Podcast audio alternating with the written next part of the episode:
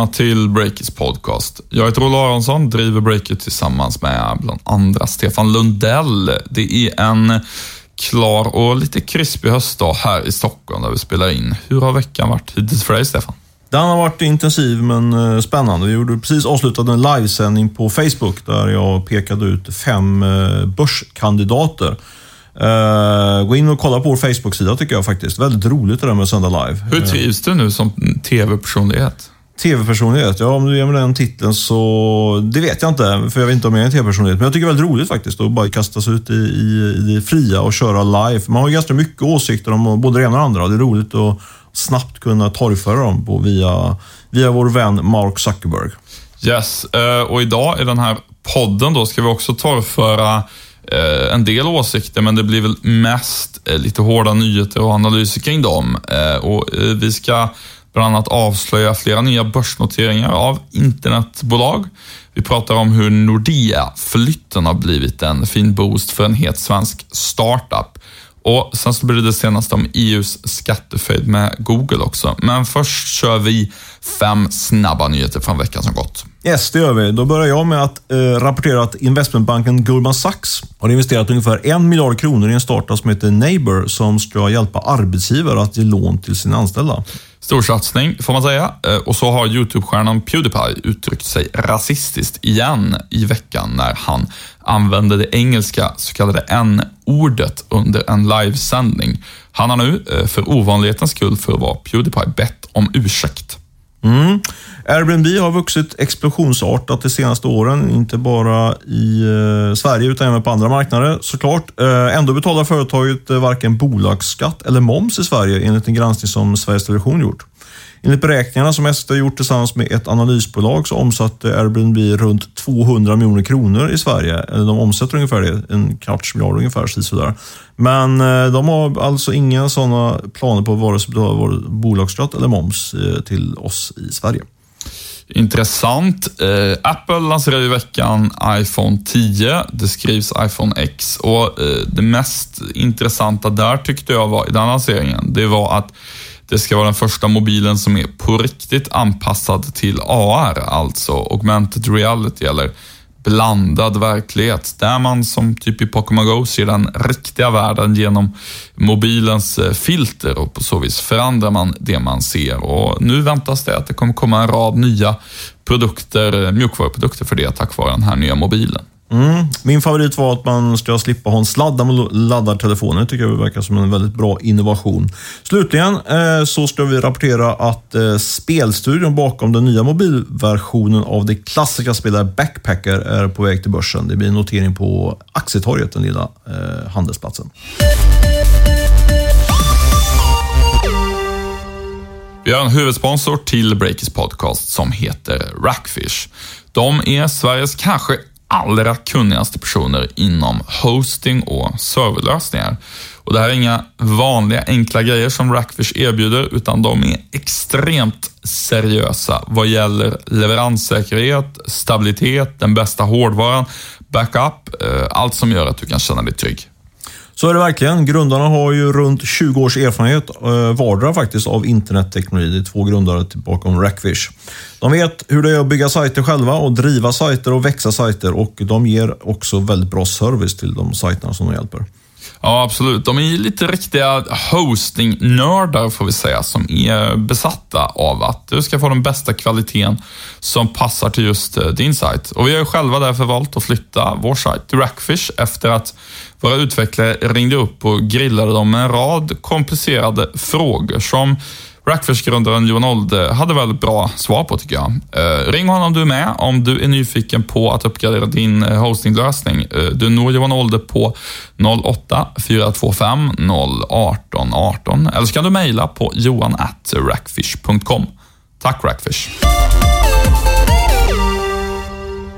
Då ska vi prata om ett kärt gammalt ämne för dig och mig, nämligen börsen. Det har ju blivit ett hett tillhåll för allt som har med tech att göra, eller som man åtminstone säger har med tech att göra. Eh, och det är ju något som allt fler storägare i eh, företag som är internetrelaterade nu börjar dra nytta av för att kunna eh, casha in. Inte sant, Stefan? Absolut, de är sanna populister, eller opportunister som brukar heta på, på börsspråk. Det tycker jag är en tydlig trend, att man ser att fler och fler nu skyndar mot börsen. Vi, eh, I förra veckan så rapporterade vi att Bygg Hemma, det var Dagens Industri som var först med nyheten att Bygg Hemma då har anlitat rådgivare för att gå till börsen. Eh, och Det var alltså mindre än ett år efter att eh, deras storägare FSN köpte bolaget till då en väldigt hög värdering.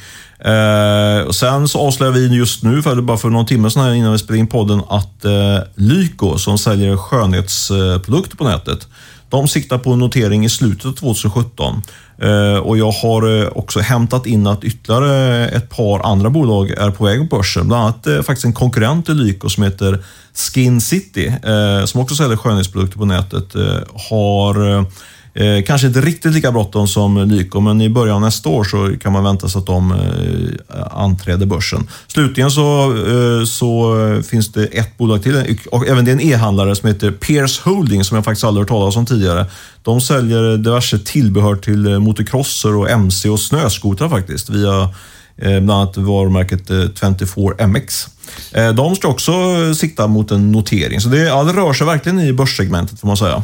Ja, och det är ju då inte liksom eh, mjukvarubolag som säljer finanslösningar eller sådär primärt, som Klarna verkar till exempel inte vara på väg till börsen, utan det är just e-handelsbolag som rusar dit just nu, inte sant? Ja, men så är det. Och orsaken till det är ju ganska enkel och det är helt enkelt att eh, den här typen utav bolag just nu värderas eh, historiskt högt eh, av Stockholmsbörsen. Det har ju funnits en eh, ska man säga, uppdämd efterfrågan på den här typen av bolag på, på Stockholmsbörsen. För det har funnits väldigt få e-handlare. Vi har ju haft i princip eh, det som idag heter Qliro, men som under lång tid hette CDON eh, och, eh, Sportamore. Det har i stort sett varit de som har som varit, haft någon storlek utav börsbolagen som sysslat med e-handel. Och båda de, men framförallt så får man väl säga Qliro har ju varit ett riktigt sorgebarn, så börsen har varit ganska trött på på den typen av, av eh, bo, eller de har liksom lite solkat ner sektorn kan man säga. Men samtidigt har det funnits en, en stor efterfrågan på, på liksom fina e-handelsbolag. Och eh, det är de som nu börjar komma. Det som blir lite grann proppen nu var ju när Boost, klädhandlaren, noterades här i, i precis innan sommaren. Eh, till en väldigt hög värdering, men trots det gick upp ganska kraftigt på, på, på börsen. Och Det är det som nu många andra e-handlare tittar på. Mm, Boost värderas till en så här hög värdering, eh, då borde kanske mitt bolag också kunna få en liknande värdering och ja, men då kör vi mot börsen. Det är väl lite grann det som, som är drivkraften tror jag mot den här e-handelstrenden i, när det gäller börsnoteringarna. Du, eh, på finansmarknaden brukar det gå ganska snabbt med trender och så. Det går upp, upp, upp, upp väldigt mycket ofta och sen så kan det vända tvärt ner ganska snabbt. Och många som har, har följt börsnoteringsvågor tidigare kanske börjar fundera på att eh, börjar det bli överhettat just nu? Vad, vad tycker du? Jag tror att det finns en stor risk för det. Det har ju varit en, en stor eh, noteringsvåg under de sista 12 till 18 månaderna på Stockholmsbörsen generellt. Då. Eh, och Det känns lite grann som att eh, e-handlarna kommer i sista svängen här på något sätt. Eh, börsen har ju varit halvstark i år, upp en 5-6 procent är det väl, men har varit ganska dålig under, under sensommaren. Och eh, om man tittar på bolaget Boost då, som många jämförs med, så hade de ju en väldigt stark start på börsen, men har nu faktiskt gått tillbaka lite grann sådär. Så jag tror att eh, det kan komma ett eh, ganska jobbigt uppvaknande för de här, om man blir investerare i de här bolagen, för eh, den här typen av värderingar på kanske två, två och en halv gånger omsättning då, som, som man räknar på nu. Då. Det, den är väldigt aggressiv den värderingen, för det är ju det är ändå lågmarginal business det mesta när man jobbar med e-handel. Så jag ja, tror att man ska resa, resa varningsflagga helt enkelt. Ja, nej men precis. De har ju... Eh, hissar gör man varningsflagga, man reser inte, man hissar varningsflagga. Ja, man, just det, man hissar varningsflagga. Ja. jag, jag tänkte på det att de, eh, de har ju i grunden alltid en utmaning med att behålla kunder och att eh, kunderna letar efter låga priser och rabatter och ja, man, man, får in en kund en gång, men nästa gång handlar de hos någon annan och sådär. Det, det känns ju onekligen som att det här med att det är låg marginal kommer bestå, eller hur? Ja, men så man nog räkna med att de ligger på någonstans mellan 5 och 10 procent marginalen uthålligt på sikt. Då. Så det, det, är väl det spelet man gör. Man räknar på hur stor marknad kan man ta eh, och då räknar man inte med att man ska göra sådana stora vinster och sen så när man, ska man då, när man väl har ätit upp den där marknaden, tagit marknaden, kan man vrida om till lönsamhet och då får man, eh, får man en hygglig mm, avkastning på sin investering. Men om man ska vända på det här resonemanget, om man tittar på att det finns en risk då att gå in som investerare. Det är lite spekulativt det vi pratar om nu, för dels så har ju inte de här själva aviserat noteringsplanerna än och sen så kommer det, så det kommer ett prospekt och det är då först man ser exakt hur mycket de, vad de ska värderas till. och Det kan säkert finnas guldkorn bland de här bolagen som kommer till börsen. Men om vi vrider perspektivet från, från investerare till, till ägare och entreprenör på de här bolagen. Alltså det finns ju finns ju den aspekten också. att Visst, det är kul att sätta ett bolag på börsen och, och bli börs men det finns väl också... Kul att bli rik också, tror jag. Ja, men precis. Men sen, är du, sen sitter du där också med en massa småsparare och så vidare. Jag tänkte du, låta dig, Olle, som gammal börsreporter, eh, få reda ut lite grann. Vad är liksom riskerna med att springa till börsen med ett bolag eh, för tidigt kanske?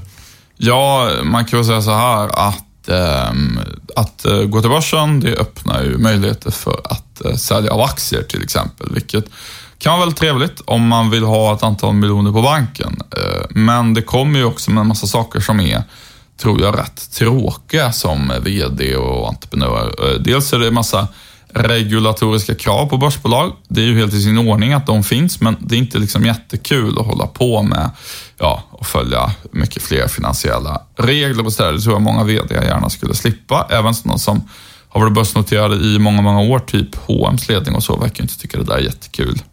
Sen har du ju en helt annan typ av press mot lönsamhet som kan skapa ja, en press mot kortsiktig lönsamhet kan man väl säga. Det, det kan bli lite mer kvartalskapitalism, att um, du tvingas fatta beslut du egentligen inte tror är så bra långsiktigt, för du känner en press att få bra marginal på kort sikt. Eh, sen så finns det ju liksom en risk att man får fel fokus också. Det beror ju lite grann på hur livlig handel och så i aktien. Men eh, jag minns att jag lyssnade på Peter Dokumentär för länge sedan om hur det var i en del eh, noterade internetbolag, typ Spray och sådär under förra IT-håsen. Det är ju så att om anställda sitter på massa optioner eller aktier i ett börsnoterat bolag, då kan det bli väldigt mycket fokus bara på det. Även från ledningens sida, att man, man sitter och tittar på hur aktiekursen går och så blir man liksom väldigt fokuserad på den realtidsbedömningen som kanske liksom inte är det viktigaste man ska tänka på långsiktigt. Även om Spray aldrig hann till börsen, men Ikon hade nog en ungefär liknande problematik. Just det, Nej, men det, det, det, det har du rätt i. Jag tror att det var, mm, de hade, jag minns faktiskt inte hur handeln i de där optionerna var. Jag, jag ska låta gråhandel kan Ja, precis. Jag ska låta det vara osagt där. Det var lite före min tid just Spray. Men i alla fall, så, mm, och vid sidan av det så det känns lite som att vi är på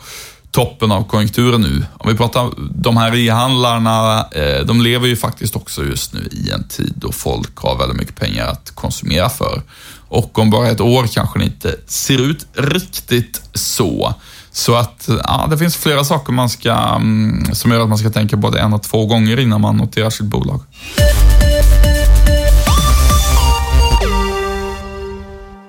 Den här veckan har vi med oss Uggla Massage och Wellness som sponsor av podden. Det är vi väldigt tacksamma för. Ja, och vi utnyttjar ju själva Ugglas tjänster och en av deras riktigt starka konkurrensfördelar gentemot många andra är att de kommer ut till dig, till ditt företag, när du har beställt massage. Väldigt tidseffektivt och samtidigt en riktigt schysst förmån måste man säga till alla anställda. Jag själv är väldigt övertygad om att det är en bra investering att ge alla anställda regelbunden massage. Jag instämmer och nu har Uggla Massage och Wellness dessutom ett riktigt, väldigt vasst får man säga, erbjudande till alla entreprenörer som lyssnar på den här podden. Stefan, du kan väl dra det? Mm. Eh, det är faktiskt så att du får första massagen helt gratis för alla dina anställda. Eh, och Uggla Massage och Wellness kommer som sagt direkt ut till ditt kontor, så du behöver inte slussa personalen till eh, något annat ställe. De finns över hela landet, så även om du jobbar utanför storstäderna så kan du utnyttja det här erbjudandet. Jag måste säga att det låter helt otroligt. Man behöver inte ens åka någonstans. Man bara ber dem komma och ge en gratis massage. Fantastiskt! Vill du mm. testa det här? Eh, kontakta grundaren av Uggla Massage direkt och eh, henne når du på lisa ugglamassage i ett ord.se. Alltså lisa ugglamassage.se. I somras avslöjade vi att Google, eh, Googles svenska verksamhet drog in ungefär 5,5 miljarder kronor, men betalade bara 5 miljoner kronor i bolagsskatt. Det blev en hel del uppmärksamhet för den där artikeln, eh, men vi konstaterar också i samma artikel att svenska skattemyndigheter, i alla fall inte publik då, hade tagit någon strid mot det här förhållandet. Eh, mot vare sig Google eller någon annan amerikansk techjätte. Vi hörde ju här i början på Fem snabba att även Airbnb drar in eh, rätt ansenliga summor i Sverige utan att skatta för dem. Men nu händer det saker ute i Europa. Eh, Frankrike, Tyskland, Italien och Spanien gick här i veckan ut med ett gemensamt utspel där de kräver att techjättar som Google ska baseras då, eh, deras intäkter, eller deras skatter, eh, skatter baseras på intäkterna och inte själva vinsten. Som ju ofta då inom parentes trixas bort. Eh, nästan samtidigt då som den här nyheten kom så aviserade Google att de ska överklaga EU-kommissionens bot på hisnande 23 miljarder kronor. EU-kommissionen anklagar ju Google för att ha brutit mot konkurrensreglerna i sin prisjämförelsesajt. Eh, två eller tre datapunkter de senaste dagarna där man kan konstatera att eh, insatserna nu höjs i det här skattekriget mellan Europa versus Silicon Valley.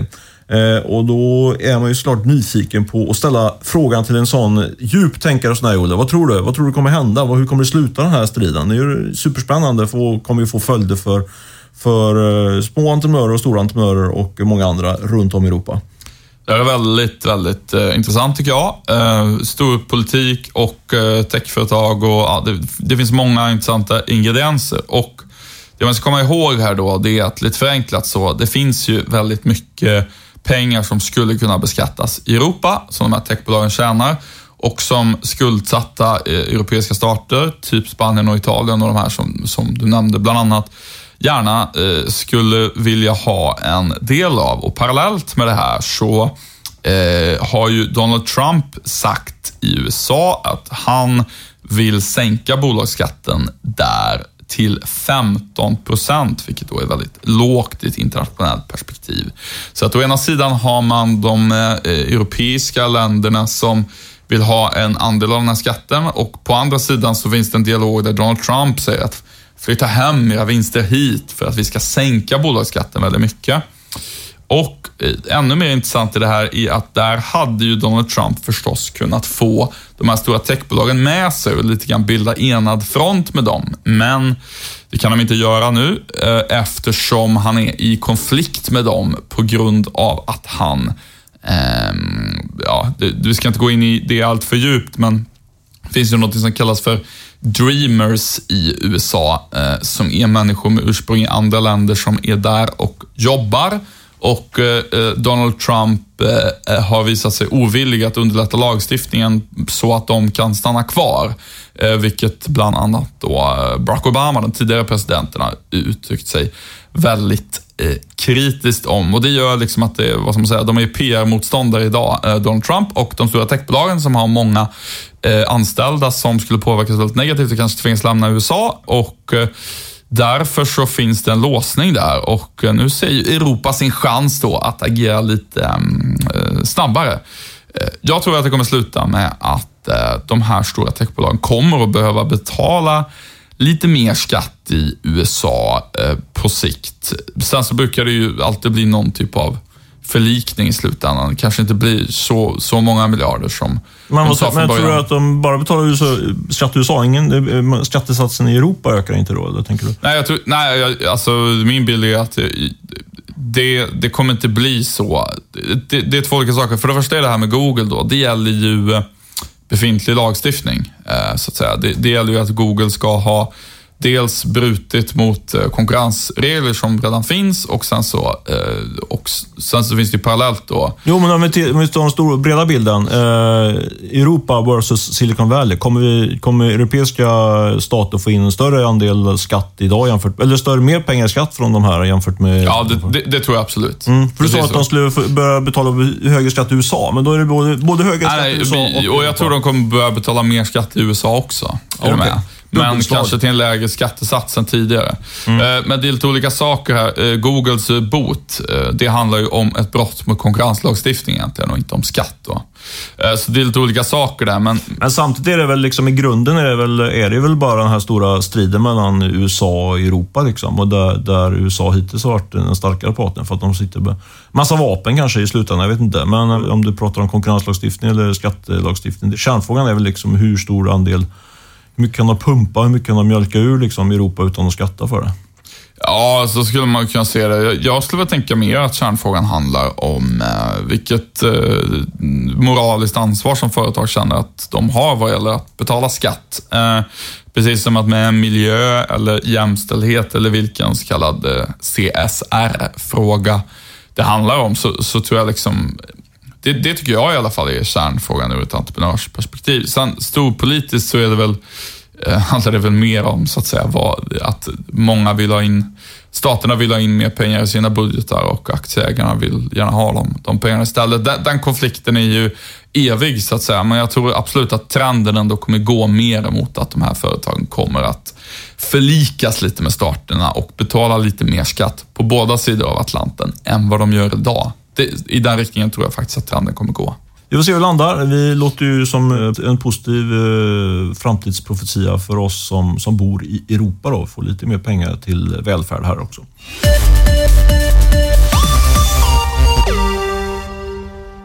Vi har med oss Heimo, hemsidesverktyget, som sponsor denna vecka i podden. Heimo gör det möjligt för vem som helst att bygga en sajt.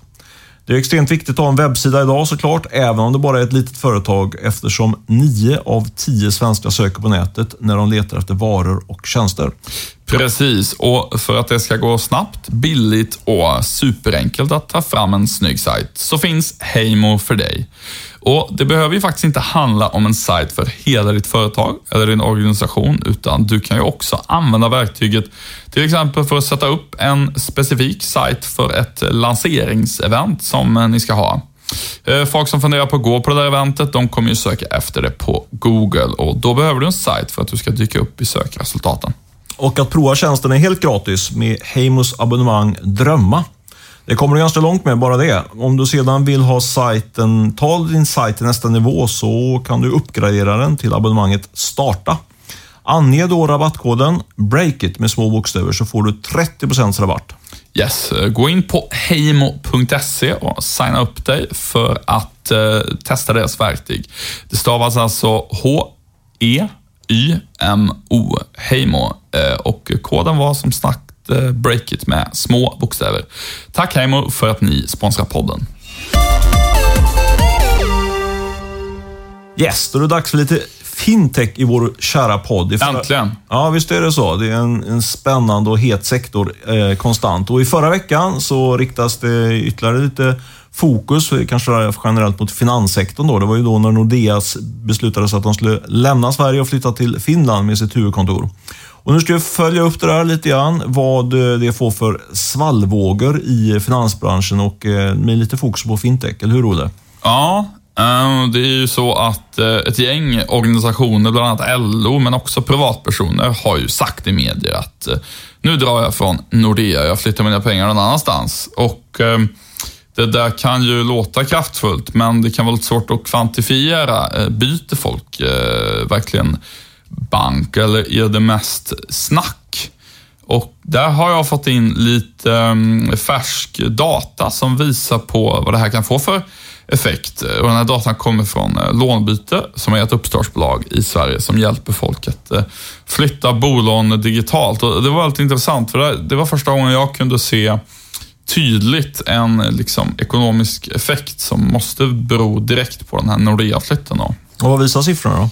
Jo, eh, eh, Lånbyte, eh, de såg en jättetydlig uppgång under torsdag, fredag och lördag. Eh, alltså direkt efter det här beskedet då i, nu pratar vi om dagar, i förra veckan. Ehm, en vanlig dag så kanske de flyttar bolån för runt 300 miljoner kronor. Nu var det 4,3 miljarder i bolån de flyttade bara på tre dagar och bara från just Nordea. Mm -hmm. Så det var en väldigt tydlig bump uppåt i deras business för dem. Och mest intressant, tyckte jag i alla fall, med det här eh, och som jag ehm, liksom inte har sett eh, tidigare i den här diskussionen kring Nordea. Det har ju mest handlat specifikt om flytten, men det jag tyckte var mest intressant är att de som flyttade, de sparade alltså i snitt 28 000 kronor per år eh, på att flytta sitt bolån. Eh, det är totalt 60 miljoner kronor ungefär som, vad ska man säga, som skars direkt från Nordeas bolånemarginal och eh, hamnar hos andra aktörer till ett betydligt lägre pris. Vad har du, vad har du för slutsatser? Jo, men jag har ju pratat med fintech-startups i massa år om att eh, det här, snart kommer det hända, folk kommer vilja byta bank, folk kommer vilja ha billigare bolån eller fonder, vad det nu är. Och det har egentligen inte hänt så mycket, eller hur? Utan de här fintechbolagen, de har kämpat på, men bankerna har fortfarande gjort sina jättestora eh, vinster. Um, och förr när det stormade kring banker, som det gjort kring Nordea nu, då sa också folk att eh, ja, nu byter jag. Men sen tror jag faktiskt att folk inte bytte. För de orkade inte. Det är lite som alla mejl man har fått om, nu säger jag upp tidningen ungefär.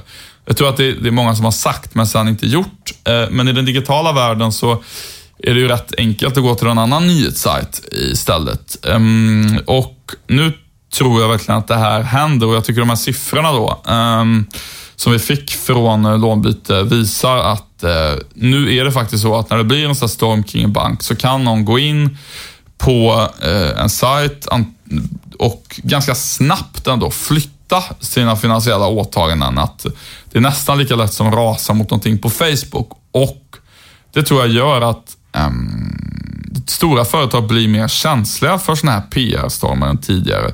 Och i synnerhet då eh, när folk faktiskt också sparar pengar på att eh, flytta. Och där tror jag att bankerna, de har nog lite grann underskattat vilken effekt det här kan få i en värld där det är lätt och inte svårt att byta bank. V vad tror du? Ja, men det kan väl ligga något i, även om det är såklart bara en liten, inte ens en krusning för Nordea att tappa 60 miljoner. Men, men eh, det är ju en ökad konsumentmakt eh, oavsett, måste man ju säga. Om inte annat så blir det artiklar om det här, att det är många som flyr Nordea. Så att säga. Det kan ju driva på, eh, kan ju få liksom en effekt i sig också. Jag kan säga att det är ungefär en procent av deras bolånestock i Sverige, som, som de här 4,3 miljarderna som flyttade. Så att, det är en liten krusning kanske ändå. Mm. Ja, men det, kan man väl, det får man väl säga. Jag kanske ska in och kolla där också. Men det finns ju andra aktörer än, än det här fintechbolaget som kan kan ge eh, den typen av effekter som du Ja, nej, verkligen. Vi har ju eh, eh, Bolånegruppen som är ett bolag som vi har följt länge. Jag tror de har bytt namn eh, nu, men i, i vilket fall de har ju fått in Chipset som investerar och försöker se på en liknande innovation. Det finns flera andra aktörer som håller på och, eh, och flyttar bolån. Och jag, jag, tror faktiskt att det där kommer att, att hända nu när det är så lätt att, att flytta. Och då måste bankerna vara lite försiktiga i eh, sin PR-kommunikation och så. Jag tror ändå det är lite grann underskattade folks benägenhet att flytta faktiskt. Mm, intressant spaning. Eh, och med det ska vi ta och runda av den här podden. Vi ska först såklart tacka Beppo ljudproduktion som hjälper oss att klippa varje vecka. Och vi tackar också vår huvudsponsor Rackfish. Ha det så bra, eh, så hörs vi nästa vecka.